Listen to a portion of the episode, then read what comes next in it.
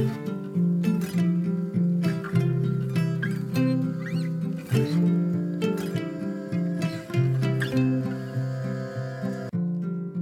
och välkommen till For Health med Anna Sparre. Idag ska vi prata på temat Acceptera inte din diagnos. Det är kanske inte så illa som det låter, men du har rätt att få veta mer från din läkare än vad du vanligen får. Inte minst du som diagnostiseras med olika sköldkörtelbesvär. Vi kommer att prata om bland annat sköldkörteln och autoimmuna sjukdomar i det här avsnittet. Om du gillar det här avsnittet så blir jag jätteglad om du vill dela med dig av det på Facebook, Instagram eller till en vän. Glöm inte heller att lämna ett betyg på podcasten i din podcastapp. Det kan du göra genom att söka fram podcasten For Health med Anna Sparre med hjälp av sökfunktionen och sen välja recensioner. Och så lämnar du ditt betyg där. Ju mer du lyssnar, delar och recenserar, desto bättre går det att hålla podden levande med en massa gratis information och intressanta intervjupersoner. Stort tack på förhand! Och ett extra tack till alla er som redan har lämnat betyg eller recensioner. Som till exempel mig bara jag, som skriver Vetgirig! Slukar avsnitt efter avsnitt. Fortsätt nörda ner i detaljer. Tack för inspiration på väg mot ett bättre jag. Tack snälla du för den här fina recensionen. Det finns nu bara ett par platser kvar till intensivkursen Hälsohelgen hos mig på Österlen som går av stapeln den 25 till 26 november. Eftersom vi har haft så stor efterfrågan från privatpersoner på de två dagars intensivkurser eller hälsohelg som jag ordnar för grupper, så anordnar vi nu ett tillfälle där du kan anmäla dig utan att själv behöva dra ihop en hel grupp. Så skynda dig att anmäla dig om du vill vara med. Du anmäler dig till boka forhealth.se eller så kan du läsa mer på forhealth.se hälsohelg. Och om du är nyfiken efter avsnittet så hittar du mer information på forhealth.se.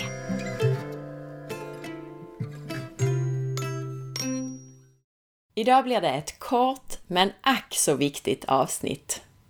Jag har skrivit ett inlägg som tar upp det mesta av det som jag säger här idag. Jag vet inte om jag kommer att ha hunnit publicera inlägget innan det här avsnittet släpps, eller om det kommer i dagarna efter. Hur som helst. Många, många lider av underfunktion i sköldkörteln. Många är ni som kontaktar mig och vill ha hjälp. Min första fråga till klienter med sköldkörtelproblem är alltid, är det autoimmunitet? Svaret i 99% av fallen, jag vet inte. Detta är helt galet. Och det är inte ditt fel, utan ett fel i vården. I många fall så har man inte ens testat antikroppar mot sköldkörteln, trots att detta är det vanligaste problemet vid avvikande sköldkörtelvärden. I andra fall så har man testat och upptäckt antikroppar, men man meddelar inte patienten att denna har en autoimmun sjukdom. Din vanliga läkare tycker nämligen att lösningen på avvikande sköldkörtelvärden är samma oavsett orsak. Lösningen är att skriva ut Levaxin, alltså sköldkörtelhormonet T4. Detta är så långt ifrån sanningen som man kan komma. Och nu generaliserar jag givetvis. Det finns fantastiska undantag med läkare som vet vad de gör. Och det är troligen inte heller så att läkaren försöker göra fel. Tvärtom. Läkaren gör i de flesta fall allt han eller hon kan för att du ska få må bra. Så missförstå inte detta. Det här är ett fel i vården, inte ett angrepp mot läkarna. För det första så blir ganska få överhuvudtaget hjälpta av enbart Levaxin. För det andra så är lösningarna på olika sorters sköldkörtelbesvär totalt olika, beroende på om det beror på autoimmunitet, på stress eller på någonting annat. För det tredje så bränner du ut kroppen om du äter sköldkörtelhormoner, alltså Levaxin, som gasar på kroppen om din nedsatta sköldkörtelfunktion beror på stress och utmattning. Då är det din kropp som väljer att säga åt dig att vara trött och vila, men du går emot signalerna genom att på konstgjort sätt ge kroppen så att säga konstgjord andning och gasa på med tillsatt Levaxin. Sköldkörteln drar inte ner på gasen sådär utan anledning. Underfunktion i sköldkörteln beror på någonting annat. Och jag har bara, bara stött på fall av sköldkörtelbesvär som beror på antingen autoimmunitet eller stress. Levaxin är inte lösningen i något av de fallen. Levaxin kan vara en del av lösningen i, i autoimmunitet, om autoimmuniteten har gått så långt så att sköldkörteln har börjat brytas ner ordentligt och inte fungerar som den ska. Men den verkliga lösningen är att stoppa kroppens attack mot sin egen sköldkörtel så att den inte tar mer skada. Så att den inte bryts ner mer helt enkelt. Och detta gör du genom att läka tarmen och dämpa inflammationen. Med kost, bland annat utesluta ämnen som du inte tål och allmänna saker som påverkar tarm och immunförsvar, såsom gluten och mejerier. Och med hjälp av stressreducering. Så var ska du börja om du har problem med sköldkörteln? Enligt mig så tycker jag att du ska göra de här stegen. Steg 1. Se till att din läkare testar antikroppar mot sköldkörteln. Detta ska alltid vara det första steget. Antikroppar som testas kallas TPO och du bör även testa TGAK. De här testas, de här två antikroppstesterna, testerna, de testas vid sidan av vanliga sköldkörtelvärden som till exempel TSH, fritt T3 och fritt T4 och helst ska även reverse T3 testas. Har du antikroppar så måste du börja med kosten. Och jag kommer till detta snart. Steg 2. Om du inte skulle ha antikroppar så måste du rannsaka dig själv. Kan problemen bero på stress och utmattning? Har du jobbat dig in i väggen, övertränat, haft konstant oro, magproblem och så vidare?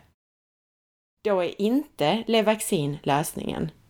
Då är det din kropp som drar ner på gasen av en anledning. Du är utmattad. Du behöver vara utmattad så att du inte fortsätter överträna och överjobba. Börja med de här två stegen innan du kontaktar mig eller någon annan som kan hjälpa dig. När jag fortsätter mitt förhör av mina klienter med sköldkörtelbesvär så brukar det inte sällan visa sig att jo, de har autoimmunitet i släkten, reumatism kanske, sköldkörtelbesvär eller någonting annat. De har dessutom besvär med magen. De har lite ledvärk ibland och en hel rad andra saker som tyder på att det här verkligen är en autoimmun sjukdom. Så jag brukar få börja med att be dem gå tillbaka till sin vårdcentral och mäta sina antikroppar. Visar det sig att du har antikroppar så bör du äta en autoimmun kost. I avsnitt 83 pratar jag med Karl Hultén på det här ämnet, så där kan du lära dig mycket mer. Autoimmuna sjukdomar är mycket, mycket vanliga och är kopplade till både genetik och problem med tarmen. Jag brukar säga att det är tre faktorer som ska till för att få en autoimmun sjukdom. Det är genetik, ökad tarmpermeabilitet, alltså problem med magen, och en utlösande faktor som till exempel en kraftig infektion, ett trauma eller en graviditet. Och när jag säger problem med magen så, ja, de flesta märker av sina problem med magen. Man kanske är uppblåst eller har allvarligare problem. Men det behöver inte vara så att man tydligt märker sina magproblem, utan det kan vara att man har en, en dysbios och en nedsatt tarmflora som inte visar sig med så mycket symptom. Hur som helst, får man en autoimmun sjukdom och vill avstanna sjukdomsförloppet, vilket borde vara det man vill göra, då måste man, enligt mig igen, ta ett antal steg. I steg 1 så behöver man äta en antiinflammatorisk kost, alltså en kost som är fri från bland annat socker, mjöl och gluten, helst helt fri från mejerier och fri från vanliga vegetabiliska oljor och margariner, som till exempel solrosolja, majsolja och andra oljor som är rika på omega-6. I steg två så måste man äta en autoimmun kost. Och vad en autoimmun kost är för just dig får du testa med en elimineringskost. Det viktigaste brukar vara att utesluta gluten helt, verkligen helt och hållet. Men de flesta måste också utesluta mejeriproteiner helt, baljväxter som bönor, linser och jordnötter. Potatisväxter som till exempel tomat, potatis, paprika och aubergine. Och de måste minimera sötningsmedel och andra tillsatser och minska på fruktos, ämnen som alla påverkar tarmen och därmed autoimmuniteten. Många måste åtminstone under en period utesluta ägg, nötter och fröer. Men som sagt, detaljerna kan du lyssna på i avsnitt 83. Du bör börja med att utesluta allt detta. Och om dina symptom och antikroppar minskar rejält så kan du eventuellt välja att testa att införa några saker igen. Dock aldrig gluten som alltid påverkar tarmen de saker som en del personer klarar att införa igen när man har ätit en, en strikt autoimmun kost under en längre tid så att tarmen har hunnit läka. Det kan till exempel vara ägg, fröer och nötter. Och då inför man i så fall ett livsmedel i taget. Och så mäter man om man får antikroppar och eller symptom. I steg 3 så behöver du hitta eventuella saker som du inte tål de vanligaste överkänsligheterna utesluter du med en autoimmun kost. Men det finns andra saker som du kanske inte tål. Så blir du inte bra med en autoimmun kost så bör du göra ett test. På forhealth.se så hittar du bland annat ett IgG-test för överkänslighet och det hittar du under hälsotester. Och det här är tester som mäter IgG-antikroppar Alltså inte de vanliga IgE-antikropparna som ger klassisk allergi med symptom inom några minuter. Utan har du IgG-antikroppar mot födoämnen så tar det ofta ett dygn eller upp till tre dygn innan du märker av symptomen. Och därför så kan det också vara svårt att härleda symptomen som kan vara ganska diffusa, som huvudvärk eller magproblem. Och det blir svårt att härleda de här symptomen tillbaka till ett visst livsmedel som du kanske åt för tre dagar sedan om du inte testar dig. I steg 4 så behöver du läka tarmen. Att läka tarmen förutsätter att du gör steg 1, 2 och 3, det vill säga äter rätt kost. Men du kan även behöva lägga till saker som benbuljong och probiotika. Det kanske också är så att du har en kraftigare dysbios med en massa sämre bakterier eller en parasitinfektion och för lite goda bakterier. Och i så fall så måste det här behandlas så att du kan läka din tarm. Ett avföringstest visar hur din tarmflora ser ut och även sådana tester kan du hitta på forhealth.se. I steg 5 så behöver du reducera stressen i ditt liv. Stress påverkar tarmen och immunförsvaret negativt. Många med autoimmuna sjukdomar blir bättre på sommarsemestern och kanske till och med tål mat som de normalt inte gör när de är mer avstressade. Alltså jag menar att de tål mer mat när de är avstressade än när de upplever mycket stress. Och det här är tydliga tecken på stressens inverkan på autoimmunitet.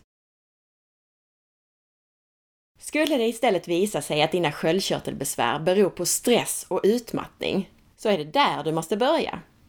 Jag har gjort flera avsnitt där vi kommer in på detta med utmattning och hur man hanterar det. Bland annat ett gammalt avsnitt, avsnitt 4, men också avsnitt 94 med Mia Lundin och en del andra avsnitt. Så jag tänkte inte säga mer idag, utan jag ville mest betona vikten av att du verkligen får din riktiga diagnos.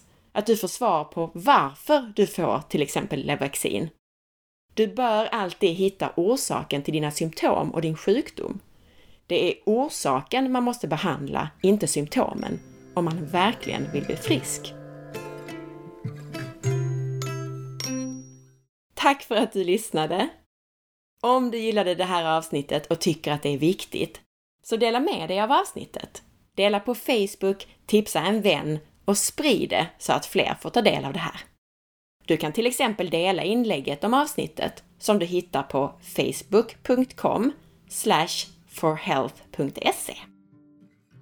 Missa inte heller att följa med på Instagram via signaturen asparre och gå gärna in i iTunes nu och lämna ett betyg och en recension och titta in på bloggen på forhealth.se där du kan läsa inlägg på liknande teman som det här. Ha en härlig dag så hörs vi snart igen. Hejdå!